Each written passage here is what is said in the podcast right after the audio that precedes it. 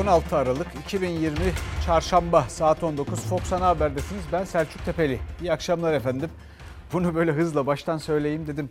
Çok tatlı izleyicilerimiz var. Geçen bir gün şaşırdım. Ee, arkadaşlar bana hemen mesaj yazıyorlar. Diyorlar ki aman abi bugün çarşamba bak filan diye. Çok teşekkür ediyorum. Şimdi günleri filan şaşırıyoruz tarihleri. Öyle zamanlar yaşıyoruz ki gerçekten. Bir de hepsini neredeyse unutmak istiyoruz. Bakalım bu 2020 bitince bizi neler bekliyor? E, şimdi son günlerin gündemi biliyorsunuz Katsa. Katsa'nın ne olduğunu biliyor musunuz? Bence bilmenize gerek yok. Unutun gitsin Katsa'nın ne olduğunu. Şunu bilin yeter. Amerika'nın hasımlarına uyguladığı bir takım yaptırımlar. Yalnız bizim özel bir durumumuz var. Biz müttefik hasımız. Müttefik hasımlık stratejik ortaklıktan sonra yine ilginç bir tarif Türkiye-Amerika ilişkilerine dair. E, Cumhurbaşkanı Erdoğan bu konuda bugün eleştirilerde bulundu. Bu egemenlik haklarımıza saldırıdır dedi. Bu karar ülkemizin egemenlik haklarına yönelik aleni bir saldırıdır. Bu nasıl bir ittifaktır? Bu nasıl bir müttefikliktir? Erdoğan Amerika'nın yaptırım adımına çok sert yanıt verdi. Bu egemenlik haklarımıza saldırıdır dedi. Türkiye, Amerika'ya geliştirilen ilk milli ve yerli hava savunma sistemi Hisar Ağa'nın son kabul testiyle yanıt verdi, meydan okudu.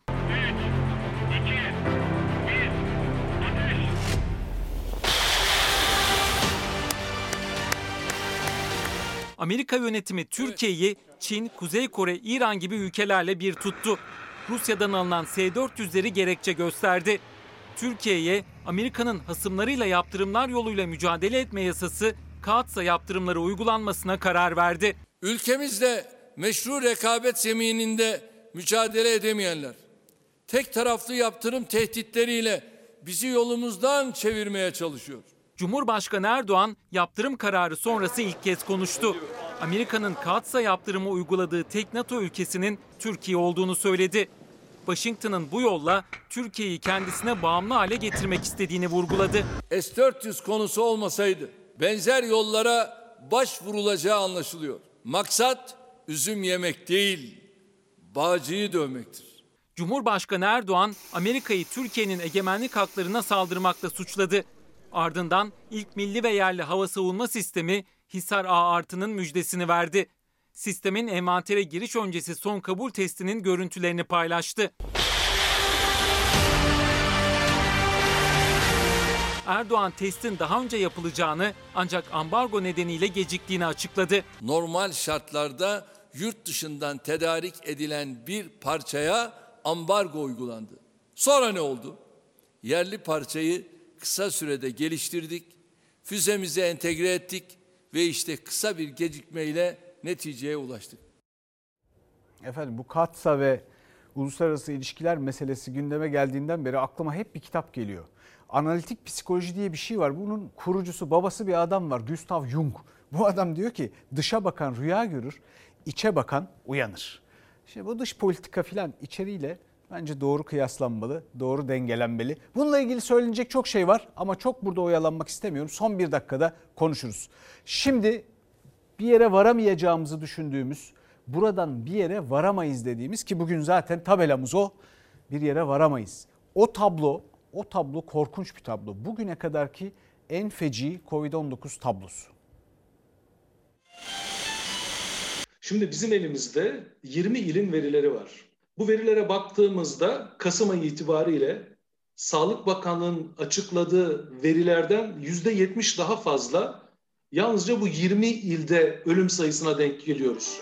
Sadece Türkiye nüfusunun yarısının verileri bile Sağlık Bakanlığı'nın verilerinden fazla. Örneğin Sağlık Bakanlığı'nın 12.511 vefat açıkladığı 23 Kasım tarihinde salgın döneminde defin ruhsatlarında 20 ilin COVID-19 ve bulaşıcı hastalıktan ölenlerin toplam sayısı 21.084 kişiydi.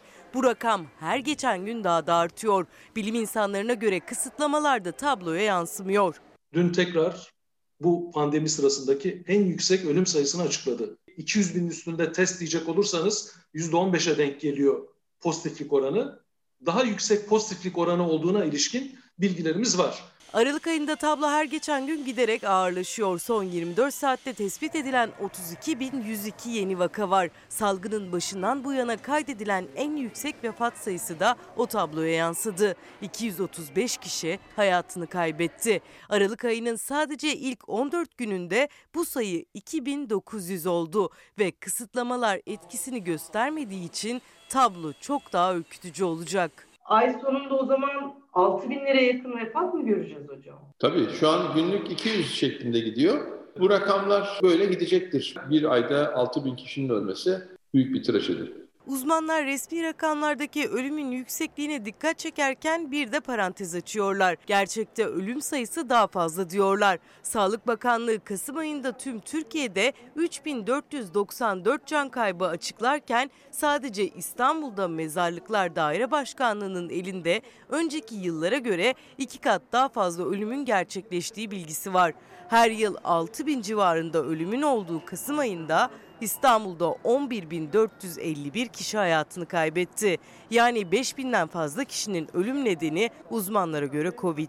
Bilim insanları ellerinde mercek böyle e, bir hata bulmaya çalışan insanlar değil. Önceki yıllara göre nüfusa oranladığınız zaman e, beklenen ölüm oranı bellidir bir toplumda. E, ciddi bir ek felaket olmadıkça ölüm oranları çok fazla değişmez. Sadece İstanbul'da 49 haftada vefat edenlerin artışına bakıldığında da 19.177 kişilik fark var. 2015-2019 yılları arasındaki vefatların toplamına göre. Oysa Sağlık Bakanlığı bugüne kadar Covid kaynaklı ölümlerin toplamını 16.881 olarak açıkladı. Yani İstanbul'daki can kaybı açıklanan Türkiye genelinden bile fazla. Ek ya da farklı ölümler bakıldığı zaman büyük ölçüde pandemiyle ilişkili olabilir deriz. Vaka sayılarında da durum ürkütücü. Sadece Aralık ayında 700 bin vakanın görüleceği hesaplanıyor. 15 günde gördüğünüz Aralık ayında e, neyse vaka sayısı bunu 2 ile çarpabilirsiniz. Eğer kapanma yapılmazsa. En korkunç olan ne biliyor musunuz? En korkunç olansa bu ölümlerin ve öle, ölecek olanlarımızın gelecek günlerde Allah korusun ama öyle de bir durum var. İnsanların zihninde, toplumun zihninde normalleşmiş olması, normalleşiyor olması. Bununla ilgili bambaşka bir bakış açısıyla durumun ciddiyetini anlatmaya çalışanlar yani akla karayı seçiyor. Öyle şeyler, öyle formüller bulmaya çalışıyorlar ki bunlardan biri de Özgür Özel CHP'den, Cumhuriyet Halk Partisi'nden diyor ki her gün bir Soma, her gün 3 gar katliamı yaşıyoruz. Biz 4 günde Soma madeninden 301 tane can çıkardık. 4 günde 1000 kişi ölüyor resmi rakamlara göre. Her gün bir Soma faciası yaşıyoruz. Her gün 3 tane gar katliamı yaşıyoruz. Burada ölenler de ana kuzusu. Birinin anası, birinin babası. 235 vatandaşımız canını Covid-19'dan dolayı kaybetmiş durumda. Biz çok daha yüksek olduğunu biliyoruz. Maalesef normalleştirmiş durumdayız.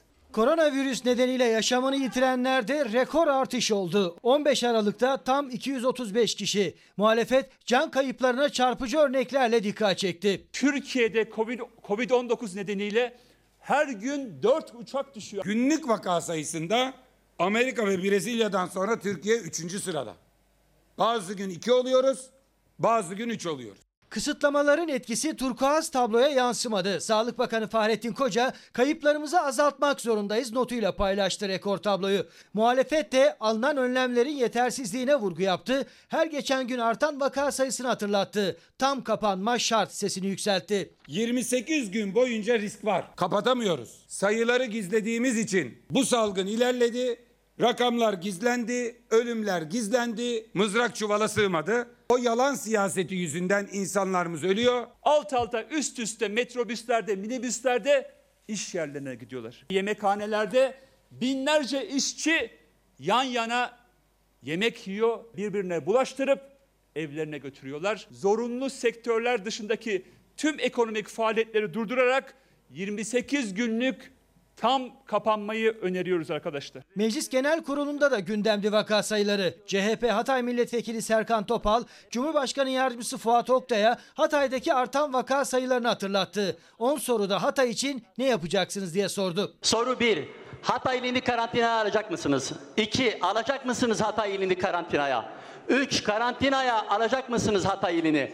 4. Hatay'da karantina ilan edecek misiniz? İlk seferde sorularına yanıt alamadı Topal. ikinci kez söz aldı. Ürküten oranları açıkladı bu kez. Hatay'da vaka sayısı %400.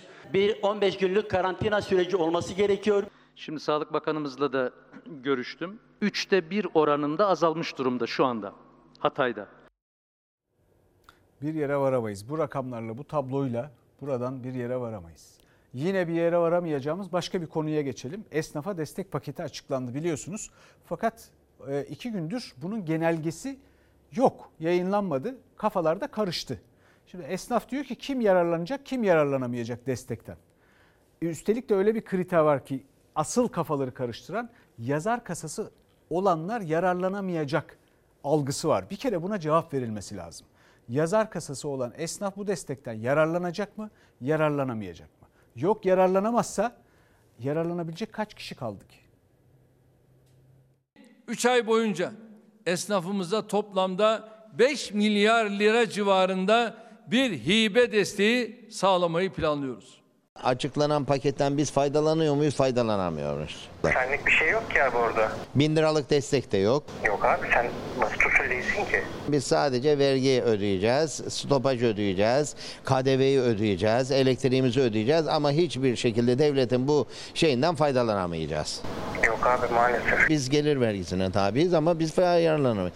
Bizim günahımız ne? Esnaf haberi alır almaz muhasebecisini aradı. Belki bir nebze nefes olur diye sabırsızlıkla beklediği destekten faydalanamadığını öğrenince hayal kırıklığı büyük oldu. 5 milyar liralık destekten kim faydalanacak, kim faydalanamayacak Cumhurbaşkanı Erdoğan açıkladı. Ancak detayları içeren genelge henüz yayınlanmadığı için esnafın kafası çok karıştı. Esnafın kafası bayağı karışık. Zaten doğru düzgün satış yok. Hükümetin açıkladığı bu paket neyi kapsıyor? Basit usulde vergi mükellefleri faydalanıyor ama basit usulde de bir doğru düzgün esnaf yok ki. Çaycı gelmiş diyor ki abla dükkanları tamamen kapalı olanlara verecekler. İnşallah faydalanırız yani bilmiyorum. Bana soruyorlar biz tabi miyiz diye diyorum ki daha belli değil. Genelge gelecek hangiler kimler giriyor kimler girmiyor biz de bakacağız. İtirazlarımız olacak. 450 bin esnaf dışarıda bekliyor. O kapsama girmeyenler mağdur olacak. Beni kapsayıp kapsamadığını ben bilmiyorum. Basit usulde vergi mükellefi misiniz? Basit usulde mi vergi veriyorum ben? O zaman görünüşe göre kapsıyor. Kapsıyor mu? Ben de sizden öğreniyorum. 3 ay boyunca 1000 liralık hibe ödenecek esnafa ancak sadece basit usulde vergi mükellefi olanlar yararlanacak. Yani cirosu belli bir limite kadar olanlar ve diğer bazı meslek grupları. Kira desteği de sadece basit usulde vergi mükellefi olanlar için geçerli. Basit usul muhasebe sistemi çok az kullanılan bir bölüm. Bizler hepimiz yüksek tandanslı, yüksek cirolu işletmeler olduğumuz için birinci sınıf işletme defterine tabiiz. Defterlerin oda tarafından tutulduğu, muhasebecisi olmayan, muhasebeci işlemini odanın gördüğü bir sistem bu. Belli bir kısma kadar olan cirodan basit usul deniyor. Ondan sonraki birinci sınıf işletmeye giriyor. Bursa ilimizde sadece bizim odamıza kayıtlı üyeler içerisinde 30 adet kullanan var. Benim İzmir'deki odamda 3 bin üye var. Şu anda 5 kişi var. Burası genellikle terzilerin ve giyim mağazalarının yer aldığı bir pasaj. Alt katında terziler, bir üst katta da giyim mağazaları var. Cumhurbaşkanı Erdoğan'ın açıklamasına göre desteklerden faydalanıp faydalanamayacak esnaf ayrımını bu pasaj üzerinden yapalım. Terziler basit usulde vergi mükellefleri. Onlar desteklerden faydalanıyor. Ancak bir üst kata çıktığımızda Aynı pasajda yer alan onların komşusu olan hatta terzilerden daha fazla kira ödeyen esnaf bu desteklerden faydalanamıyor. Çünkü basit usulde vergi mükellefi değiller. Bu da çok çelişki yani anlamsız. Hiçbir kimse hiçbir şey anlamadık. Kiralarımız pahalı, boş oturuyoruz. Neyi karşılar ki? Bu gidişle bütün herkes kapatıp gideceğiz. Esnafta e, beklediğini bulamamanın bir hayal kırıklığı var. Bakın 10 aydır kapalı olan işletmelerimiz var. 10 aydır bu insanlara en ufacık bir şey söylenmedi ve en ufacık bir destek de verilmedi. Bu insanların bu işin altından kalkmasını ve bu işten mutlu olmalarını bekleyemezsiniz. Bizim beklentimiz kira yardımı ve nakit yardımı değil. Bizim beklentimiz kısacası maliye, SSK ve kredilerimizin ciddi anlamda ileri tarihlere faizsiz bir şekilde ötelenmesi. Efendim siyasetin gündeminde açlık ve elbette kuru ekmek var. Yani bunu bunu demekten başka çare yok. Ah be vekilim Kıymetli vekilim sen bu lafı niye ettin? Çünkü bu tarihe geçer. Dedik, dedik bunu ama şimdi işte gündemden düşmüyor. Niye düşmüyor biliyorsunuz. Ee, AK Parti Denizli Milletvekili Şahintin demişti ki kuru ekmek yiyen aç değildir. Çünkü zaten işte kuru ekmek yemiştir. Doğru. Yani yanına bir de soğan kırarsak afiyetle de yeriz bir sıkıntı yok. Karnımızı bir şekilde doyururuz. Ama siz işinizi yapmış olur musunuz? O başka bir konu. Şimdi bu gündeme gidelim. Bakalım bugün bu konuda neler konuşulmuş. Millet aç, perişan. Evet herkesin midesine bir şey giriyor. Kuru ekmek giriyor. Kuru ekmek gir- İyi. Hah bu tutanağı alacağım bak göreceksin. Milletten özür dileyeceksin. Onlar diyorlar ki örtülü ödeneklere hiç konuşmayın. Size düşen kuru ekmek.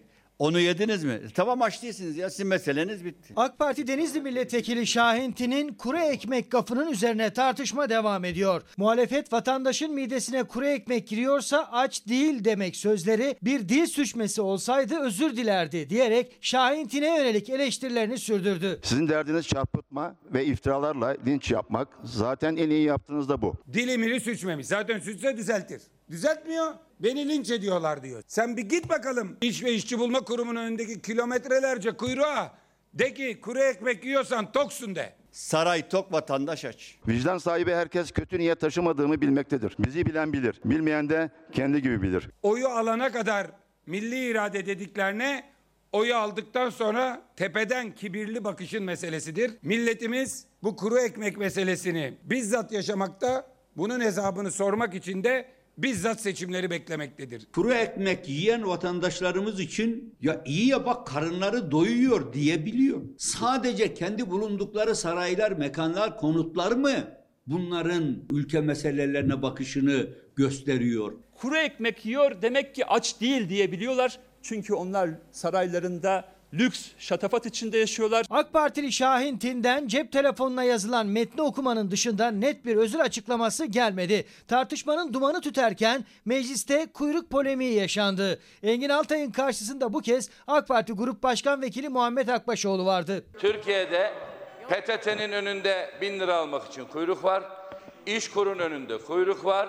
Halk ekmek büfelerin önünde kuyruk var. CHP'nin kuyrukları yokluk kuyruğuydu da Ben sonuç itibariyle yani. onları herhalde hatırlıyorlar.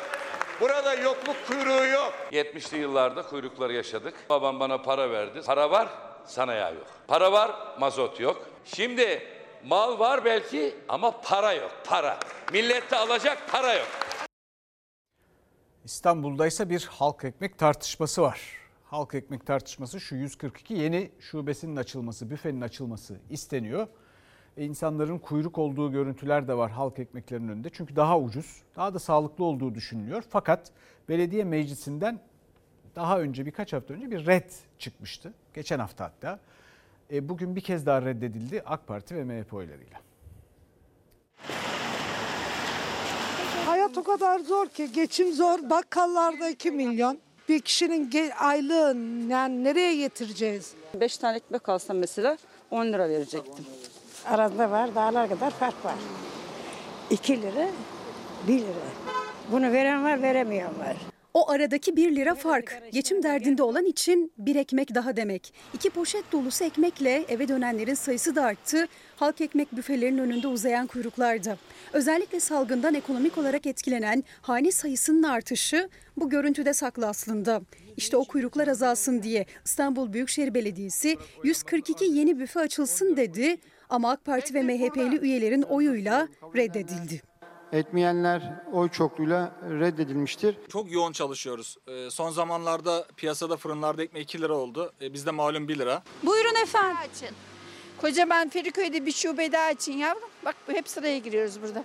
Öyle mi? Tabii cumartesi kuyruk derelerde. Açın bir yerde açın. Yardımcı olun insanlara. Yetki bizde değil ama. Yani ama yine de siz de çaba gösterin hadi. İstanbulluya kulak vermesi gereken asıl yetki sahibi kişilerse. İstanbul Büyükşehir Belediyesi meclisinde bir araya geldi ama İstanbul'un ihtiyacından çok yeni açılacak 142 büfeyi kimin işleteceği tartışması çıktı.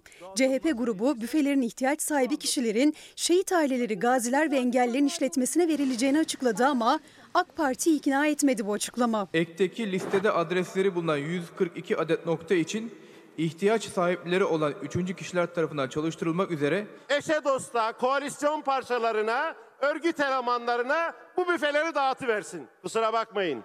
Biz yetkimizi vermeyiz. Kişi karşısındakini kendisi gibi bilirmiş. Siz öyle yaptınız herhalde, bizim de öyle yapacağımızı sanıyorsunuz. İstanbul halkının üçte biri halk ekmeğe ulaşabiliyor.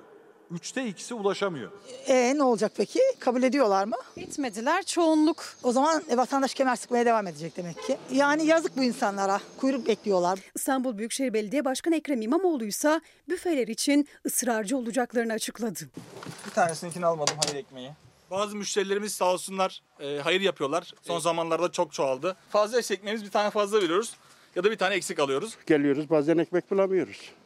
Kalmıyor burada mesela. Ee, talep çok.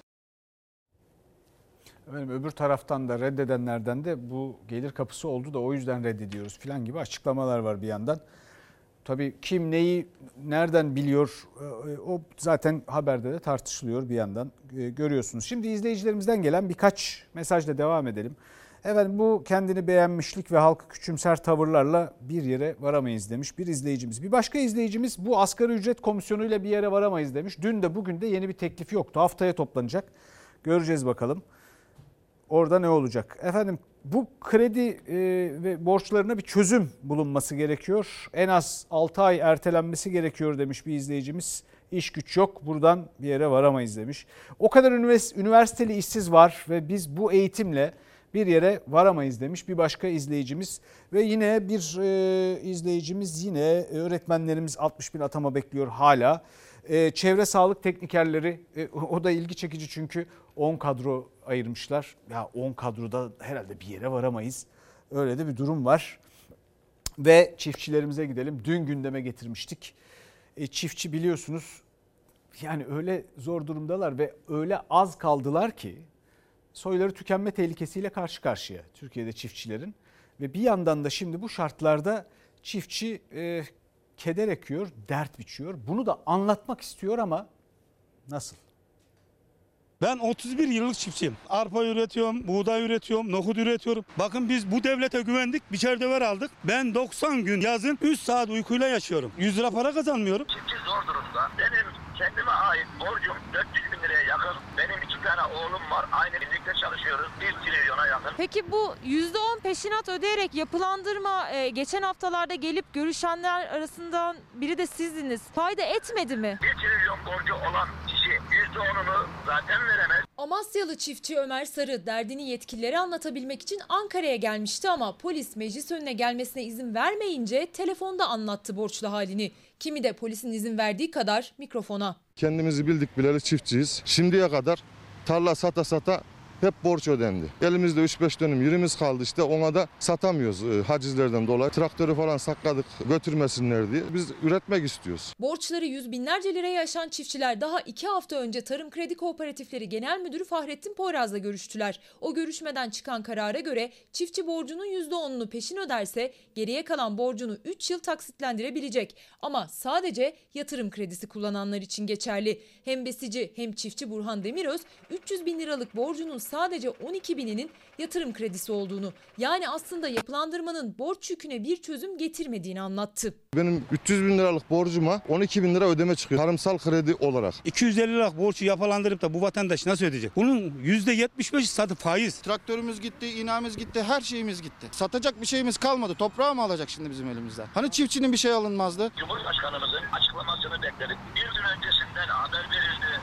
Denildi ki çiftçiyi unutmadık. Biz ertesi gün Cumhurbaşkanımızın ağzından çiftçiye vereceği müjdeyi beklerken sonunu görünce şok olduk. Çiftçinin çeyesini bile hiç ağzına almadı. Cumhurbaşkanı çiftçiler için bir destek açıklaması yapmadı ama iki gün önce mecliste Tarım Bakanlığı bütçesi görüşüldü. Bakan Bekir Pakdemirli her şey yolunda çiftçinin moralini bozmayın dedi. Tarımla ilgili her şey iyi gidiyor. Kimsenin de çiftçimizin moralini bozmasına tahammülümüz yok. Bakan Bey'in dediği gibi her şey güllük gülistanlıksa niye ben ahırımda değilim, niye ben tarlamda değilim de niye ben buralardayım? O rakamlar kağıt üzerinde olmuyor hanımefendi. Çiftçi borcum tamamen affedilsin demiyor ama tarım kredi kooperatiflerinin aşırı faiz uyguladığını iddia ediyorlar. Bu yüzden faizlerin silinmesini istiyorlar. Bize 2018-2019 yılında usulsüz faiz uyguladı Tarım Kredi Kooperatifi. Biz bunun silinip geri kalan ana paranın 5'e bölünüp e, ödememizi istiyoruz. Bakanlar Kurulu'nun kararında diyor ki çiftçiye yüzde dokuz faizle verebilirsin. Bunlar bize yüzde kırktan faiz uyguluyorlar. Bakan Bey eğer inanmıyorsa çağırsın bizi kameraların önüne çıkalım bir TV programına. Resmi yerler kal ben bunu belgelerim. Evet şimdi çiftçinin moralini korumak için öyle tedbirler alınmış ki yani öyle anlıyorum ben. Hiç kimseyle temas edemiyorlar. Hatta bir çiftçinin bile peşine düşülmüş. Şimdi e, göreceksiniz şimdiki haberimizi. Polisten çiftçiye olağanüstü tedbirleri gerçekten film gibi. Buyurun. Biz vatandaşız. Milletin meclisine polisi yığmayla bu çiftçiyi yıldıracağını zannediyorlarsa aldanırlar. Milletin efendisi çiftçiyi Ankara'dan kovuyorlar eskort eşliğinde. İşte sivil eskortumuz. Bizim üzerimizde bıçak dahi yok. Biz neydik ki bizi buradan e, konvoy eşliğinde Ankara'dan sürüyorlar başkentten.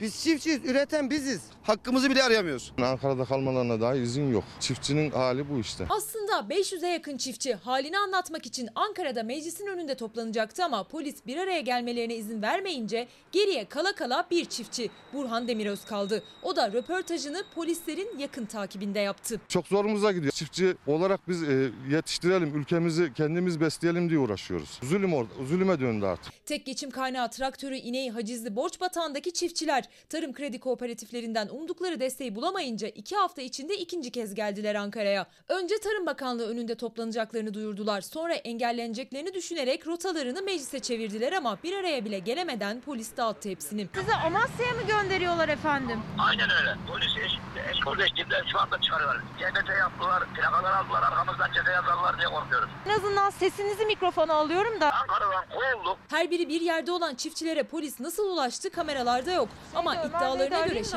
Dışından gelenlerin değil eylem yapmalarına, Ankara'da kalmalarına bile izin verilmedi. Memleketlerine gönderilen çiftçilerin iddiasına göre sivil polis eşliğinde şehirden çıkarıldılar. Gördüğünüz gibi önümüzde polis arabası, arkamızda da polis arabası bizi hiçbir şekilde bırakmıyorlar. Röportaj vermesine izin verilen tek çiftçi ise meclisin önünden Ayrancı Pazarı'na kadar yürütüldü. Orada mikrofona konuşabildi. Polisler de birkaç metre uzakta bekledi. Röportaj biter bitmez o çiftçiyle birlikte polisler uzaklaştı. Birkaç dakika geçmemişti ki bir anda parkta başka çiftçiler belirdi. Yaşadıklarını anlattılar. Otobüsü de zaten toplamışlar, il dışına çıkartmışlar. Ee, Kandıra'dan gelen, İzmit'ten gelen arkadaşlar vardı. Biz Sakarya'dan geldik. Yani her yerden geldik ama kimse kimseyi bulamadı, görüşemedik, konuşamadık. Bize hiçbir türlü müsaade yok yani. Bugün meclisin kapısına polis dikmeyle köylü mü aldatacaklar? Efendim seyahat özgürlüğü, hürriyeti, tahdit ne derseniz hepsi var burada. Şimdi merak ettiğimiz şu. Acaba hangi savcılık kararına dayanılarak bu şekilde bu çiftçiler geldikleri yere kadar götürülüyor, teslim ediliyor ya da bunun için uğraşılıyor? Ve ayrıca çiftçinin nesinden de endişe ediliyor. Zaten topu topu kalmışlar 500-600 bin. Sıkıntıları da ortada. Yani nasıl doyuracaklar bu ülkeyi, nasıl besleyecekler? Şimdi dün dedim ki son e, 20 yılda Türkiye'de çiftçi sayısı %120 azaldı. Kimin dikkatini çekeceğini merak ediyordum. O arada bahsi de açacaktım fakat vakitte kalmadı. Yukarıdan arkadaşlar da süre geçiyor dediler. Ben de e, onlara kulak verdim, devam ettim. Fakat bir izleyicimiz demiş ki ya olur mu öyle şey? Nasıl %120 azalır? Kendisi %102 yazmış ama e, %120. Şimdi şöyle söyleyeyim. Zaten çiftçiye ve tarıma bakışımızda orada sorun var direkt. Çünkü tarımı terk eden insanları hesap ederken bizim kentlerimizdeki efendim plazalardan oradaki geçerli rakamlardan bakmak tam olarak tabloyu anlatmayabiliyor ve yanılıyoruz. Bir çiftçi işini bıraktığı zaman emin olun bir kişi daha bırakıyor. Eşi de bırakıyor. Onların bekar bir oğlu varsa o da bırakıyor. O da geleceğe intikal ediyor. Onun yaratacağı kriz. Ve çiftçilik dediğiniz şey öyle zannedildiği gibi Ferrari'ni satıp bir bilgi edasıyla gidip bir yerlerde tarıma başlamakla falan yapılabilecek bir iş değildir. Onlarla biz aç kalırız. Ha, bu Ferrari bilgiler, Ferrari'li bilgelerle bile biz aç kalırız. Nasıl yapılır biliyor musunuz? Öğrenilir. Usta çırak ilişkisiyle aileden öğrenilir. Anadan babadan öğrenilir. Ve incelikleri ancak öyle böyle bir çıraklıkla insanın yansıtabileceği bir iştir. Dolayısıyla emin olun iş bunlar işlerini bıraktıkları zaman telafisi çok zor olduğu gibi bıraktıklarında da bunu sizin kayıt dışı olanları da saymanız lazım bir yandan çünkü tarımda kayıt dışılık çok fazladır. geleceğe de etki edecek şekilde tam da öyle size absürt gelecek rakamlar ortaya çıkarıyor. %120 gibi filan. Şimdi buna bir bakın da önümüzdeki 10 sene neler yaşayacağımızı hayal edin derim. E, bu türden e, dikkat çekici düzeltmeleriniz için de çok teşekkür ederim. Hem bana fırsat veriyor hem de gerçekten bazen hatalar yapıyorum. Şimdi ekonomiye geçelim. Ekonomide de e, yeni açıklamalar var. Naci Ağbal'dan geldi.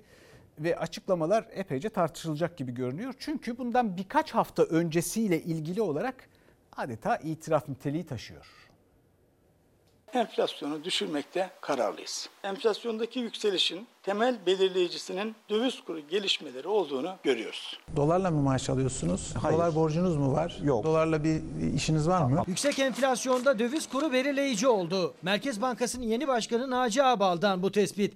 Bir buçuk ay önce istifa eden ve kendisinden bir daha haber alınamayan Berat Albayrak'ın dövizle işiniz mi var sorusunu bu sözlerle yalanlamış oldu. Kasım ayında yıllık tüketici enflasyonu %14'e, üretici enflasyonu hızlı bir artışla %23'e ulaştı. Enflasyondaki yükselişin temel belirleyicisinin döviz kuru gelişmeleri olduğunu görüyoruz. Her zaman söylüyorum. Faiz sebeptir. Enflasyon neticedir. Bunu böyle bilin. Bakanın kayınpederi yıllardır faiz sebeptir. Enflasyon sonuç demiyor mu? Dövizi fırlatan Tayyip Erdoğan'dır. Faizi baskılayacağım diye enflasyonu fırlatan Tayyip Erdoğan'dır. 2021 yılı sonu için Ekim enflasyon raporunda öngörülen %9.4 düzeyindeki en- enflasyon tahmin hedefine ulaşma kararlılığı içindeyiz. Merkez Bankası Başkanı Naci Ağbal 2021 yılı için yine tek haneli enflasyon hedefi koydu. Bir hedefte döviz rezervleriyle ilgiliydi. Muhalefet buna da geç kaldılar dedi. Eksilere düşen rezervleri hatırlattı. 35 yıl Merkez Bankası'nda çalıştım ama eksi rezervi hiçbir zaman görmedim, duymadım. Türkiye Cumhuriyet Merkez Bankası olarak kurların yönünü belirleme amaçlı döviz alım ya da satım işlemi yapılmayacaktır. Dolar 10 lira olacak ya 15 lira olacak ya 6 liradan 7 liradan toplayalım dolarları. Ha 10-15'e satarız. E sonra ne oldu? Dolar düştü 5 liraya. Bunlar kara kara düşünüyor. Rezerv biriktirme amacına yönelik diğer araçları şeffaf bir şekilde uygun koşullarda kullanacağız. Türkiye'nin 128 milyar doları çarçur edilmiş. Şu anda Merkez Bankası Başkanı diyor ki dövize müdahale açısından rezervimizi harcamayacağız, rezervimizi biriktireceğiz. E biraz geç kalmışlar. Bizden öncekiler sattı, biz bu dövizleri biriktireceğiz. Birileri bakan değişti, Merkez Bankası Başkanı değişti. Her şey düzelecek sözüne kimse inanmasın. Bu ülkede Tayyip Erdoğan olur demeden sarayın bahçesindeki direğe güvercin konmaz. Yeni Merkez Bankası Başkanı yeni hedefler koydu ama muhalefet fikir değişmedi dedi. Hedeflere temkinli yaklaştı. Efendim kıymetli bakan diyor ki şeffaflık, ihtiyat ve basiret para politikası ile ilgili, ekonomiyle ilgili bunu söylüyor. E çok söyledik biz de şeffaflık önemli. İhtiyat o kadar önemli ki ihtiyat çok önemli. Gerçek cesaret daima ihtiyatla kol koladır. Ha benim sözüm değil. Miguel de Cervantes'in sözü bu Don Quixote'u yazan adam. Mühim laf. Basiret çok önemli. Fakat benim anlamadığım şu. Dünden ders almadan nasıl olacak? Yani biz dövizi nasıl tükettiğimizi görmeden nasıl tekrar üreteceğimizi nasıl bileceğiz? Önce bunu görmemiz lazım. Bu pek şeffaf değil mesela. Bilmiyoruz nereye gitti 130 milyar dolar. Şimdi gelelim tank palet e, fabrikası ve e, işte Katar tank tartışmasına. Muhalefet yine bu konuyla ilgili e, açıklamalar yapıyor. Gerilim bir yandan devam ediyor. Bu arada da tabii bir biliyorsunuz prototipi olan bir tank var. Altay tankında bir motor engeli var. Biz zaten Sayın Kılıçdaroğlu'nun yanlış hesapların uzmanı olduğunu önceden biliyoruz. Bağırsanız da, çağırsanız da nereye vurarsınız vurun biz bunu anlatacağız. Size değil zaten milletimize anlatacağız. Fuat Oktay haddini bil.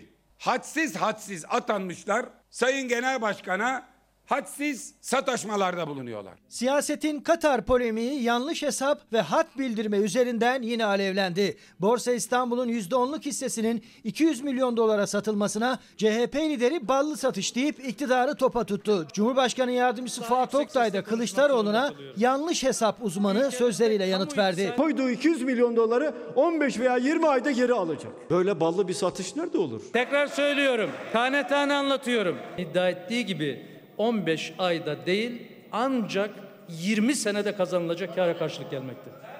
Bugünkü şartlarda. 15 ay nerede?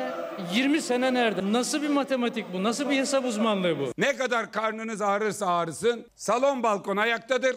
Genel başkan alkışlanmaktadır. Oktay'ın CHP sıralarına yönelik sözleri sonrası tansiyonda sesler de yükseldi şey mecliste. Ama Katar tartışması hız kesmedi. Bu kez de tank palet fabrikası gündemdeydi. İlk Altay tankı 18 ay sonra Kara Kuvvetleri Komutanlığı'na teslim edilecek hayırlı olsun. Nerede tank? Ya bari bir oyuncak tank alsalar. Prototip üretilmiş bir tankın seri üretiminden bahsediyoruz. Seri üretimin ön şartı motor. Maalesef ilgili ülkenin ihraç müsaadesi çıkarmaması nedeniyle gerçekleşmemekte. Ya orayı eleştireceğinize dönüp bu tarafı eleştirmeye başlıyorsunuz. Şimdi Fuat Oktay çıkmış patenaj yapıyor. Patenaj. Tank yok ama tartışması çok. İktidar seri üretimin önündeki engel olarak Almanya'yı gösterdi. Muhalefet de akıllı ol doğru sözleşme yap diye yüklendi. Almanya bu süreçte kendi yükümlülüklerini yerine getirmiyor.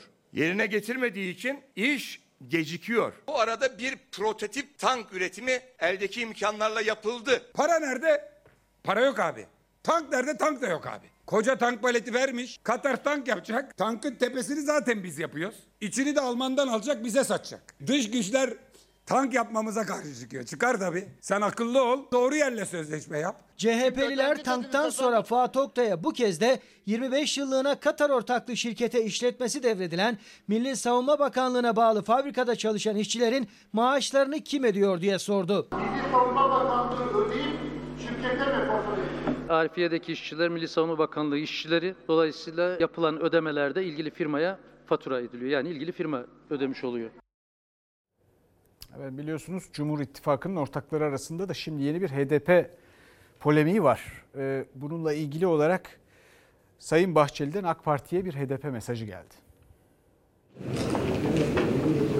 Parti kapatmaların Türkiye'de geçmişte çok e, olumlu sonuç vermediği görüldü. Mesele parti kapatmanın ötesinde ihaneti cezalandırmaktır. Cumhur İttifakı arasındaki gerilimin adı HDP.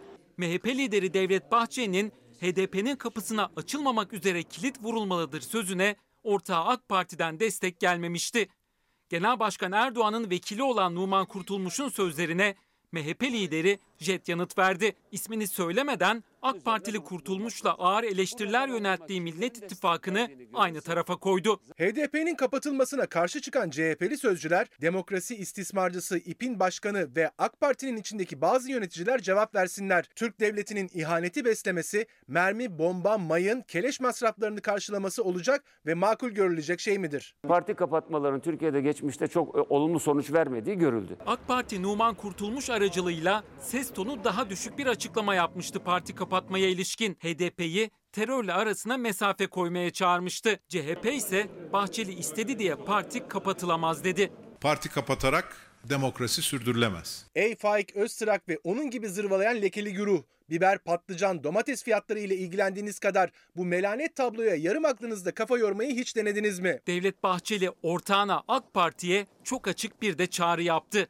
Tarafını seç dedi. Artık seçenek kalmamıştır. Ya terörizm, ya temizlik, ya bölücülük ya da huzur. Her siyasi parti tarafını ve tercihini yapmalıdır. MHP'nin taraf çağrısına verilecek yanıt için şimdi gözler ortağı AK Parti'nin genel başkanı Cumhurbaşkanı Erdoğan'da.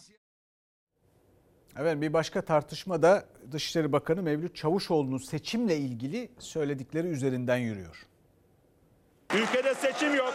Seçim olsa da iktidarın size verilmeyeceğini biliyorsunuz. Yoksa darbe beklentiniz mi var? AK Parti kriterlerine göre Mevlüt Çavuşoğlu darbecinin daniskasıdır. Millet düşmanıdır. Milli iradeye kafa tutan biridir. Bu lafları muhalefet partilerinden bir siyasetçi söylese ortalık birbirine girer. Türkiye bunları taşıyamıyor. 2021 yılında seçim var. Cumhur İttifakı gidecek. Bütün korkular o. Rüyalarına giriyor. Gece uyuyamıyorlar. Zira gittikten sonra hesap var hesap. Dışişleri Bakanı Mevlüt Çavuşoğlu'nun seçim olsa da iktidarın size verilmeyeceğini biliyorsunuz sözlerini tartışıyor siyaset. İktidar cephesinden farklı bir açıklama gelmedi. Muhalefet konuşuyor. Seçim de olacak, iktidarı da vereceksiniz restiyle. İktidarın verilmemesi ne demek? Hangi odaklardan bahsediyorsun? Bak buraya yazıyorum Mevlüt Çavuşoğlu gel. O seçim olsun, millet o yetkiyi versin, sen de verilmeyecek de bakalım. Senin alnını bizzat nasıl karışlıyorum. Nereden devralacaksınız? Kimden devralacaksınız? Neye göre devralacaksınız? Vermeyen kim? Gizli özne. Kime güveniyorsun? Partili Genelkurmay Başkanı'nı Milli Savunma Bakanı yaptın ona mı güveniyorsun? Bu millet Sana darbe yapıldığında sana sahip çıkacak da sen darbe yaptığında sessiz mi kalacak sanıyorsun? Bunlar ahiretten korkmadıklarını biliyorum. Ama iktidardan düştükten sonra verecekleri hesaptan çok korkuyorlar. O yüzden seçim kelimesinin geçtiği yerde dengeleri bozuluyor. Bütçe görüşmelerinde İyi Partili Kamil Erozan'ın seçim var bütçeyi idareli kullanın biz devralacağız sözlerine Bakan Çavuşoğlu'nun verdiği cevap üzerine alevlendi polemik. Darbe iması Joe Biden göndermesine seçim olsa da iktidarı size vermezler çıkışı muhalefet cephesinde sert yankılandı. Hayrola ne oluyor? Siz de mi Biden'dan umut bekliyorsunuz yoksa? Mevlüt Çavuşoğlu'na da söz olsun. Seçimden sonra Dışişleri Bakanımız görevi teslim alırken o odada olacağım. Çayları söyle geliyorum. Bu ülkenin küçük yavrularının SMA hastalığı dolayısıyla çığlıkları giderek artıyor. Artık bu çığlıklar Ankara'da nöbet tutuyor. Sadece iki ayı kaldı. Onu hayata bağlayacak iki ay. 22 aylık Mert Adrian Amerika'daki gen tedavisi için destek bekliyor. Onun gibi daha birçok SMA hastası bebek bağış kampanyaları yürütüyor. Poyraz Ali'nin ise sadece 30 günü var. Annesi gözyaşları içinde yardım istiyor. Elimden bir şey gelmemesi, yetememek artık beni kahrediyor. Ağladın? Ben ağlamadım anneciğim. Ağladın. Ağlamadım aşkım. Ağladın. Oğluna ağlamadım diyor ama gözyaşları durmuyor aslında. Tüm aileler çocuklarına tedavi sağlayabilmek için çırpınıyorlar. Amerika'daki gen tedavisine uygun yüze yakın bebek var Türkiye'de. Tedavi ücreti 2.4 milyon dolar. Poyraz Ali'nin 12,5 kilo olmadan önce tedaviye başlaması gerekiyor. Aldığı 1 kilo bile ailesi için umutların sönmesi demek. Kilo almadan bir an evvel hastanenin dediği sürede tedavisine götürmek istiyorum. Kampanyanızda çok fazla destek almamız gerekiyor ama sesimizi duyuramıyoruz. Elimizden geleni yapıyoruz ve artık yetemediğimizi düşünüyoruz. Rosa Arı'nın da annesinin umudu toplanacak yardımlarda. Çünkü Rosa da artık yemek yemiyor, zamanı daralıyor. Roza'nın şu anda sağlık sorunu çok ciddi boyuta yaklaşmış durumda beslenme zorlukları çekiyor. Beslenemiyor artık. Bir anne olarak bunları görmek, bu hastanın bu kadar ilerlediğini görmek ve bizim neler yaşadığımızı görmenizi istiyoruz. Kızım şu anda 3 cihaza 3 cihaz desteğiyle nefes alabiliyor. Bu ilaç sayesinde bu cihazlardan kurtulabilir. Hastanede tedavi gören 1 yaşındaki Zeynep İnci Zorbacı'nın ailesi bir yandan da gen tedavisini alabilmek için mücadele ediyor. Tam 3 cihaza bağlı. Mehmet Ayaz'a da 3 ay önce SMA tip 2 teşhisi kondu.